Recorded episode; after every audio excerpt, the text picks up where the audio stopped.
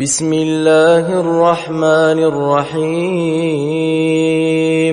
إذا زلزلت الأرض زلزالها وأخرجت الأرض أثقالها وقال الإنسان ما لها يومئذ تحدث أخبارها بأن ربك أوحى لها يومئذ يصدر الناس أشتاتا ليروا أعمالهم فمن يعمل مثقال ذرة خيرا يره ومن يعمل مثقال ذرة شرا يره.